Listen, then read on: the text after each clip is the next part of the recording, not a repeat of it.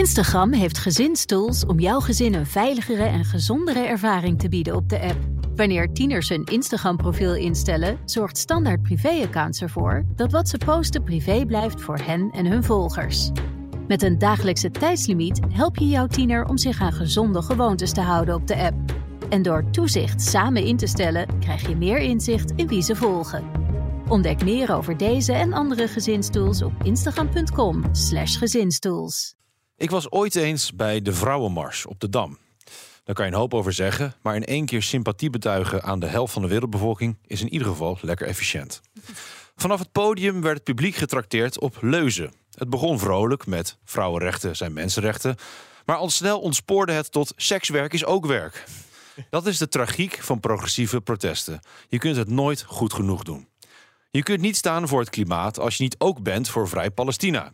Je kunt niet voor vrouwenrechten zijn als je niet ook in de bres springt voor inheemse vrouwen in het Amazonegebied. En deze manier van doen is om te beginnen heel vermoeiend, maar vooral zelfdestructief. Kijk naar de Tweede Kamer. De linkse partijen samen zijn nog net groot genoeg om elkaar tot last te zijn.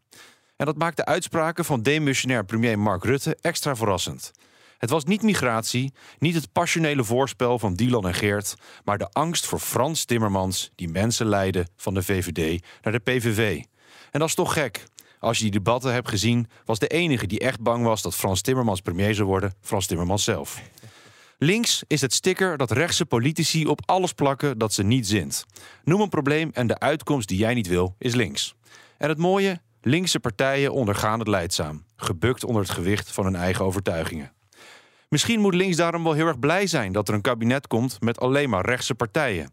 Het stelt de oppositie voor een keuze elkaar blijven ophitsen in het eigen gelijk of onderzoeken hoe hun oplossingen beter aansluiten op de wensen van de mensen van het land.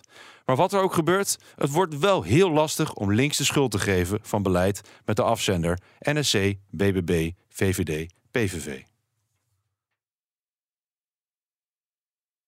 Instagram heeft gezinstools om jouw gezin een veiligere en gezondere ervaring te bieden op de app. Wanneer tieners hun Instagram-profiel instellen, zorgt standaard privé-accounts ervoor dat wat ze posten privé blijft voor hen en hun volgers.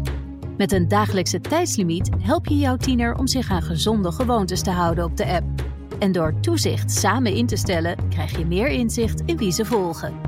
Ontdek meer over deze en andere gezinstools op instagram.com/gezinstools.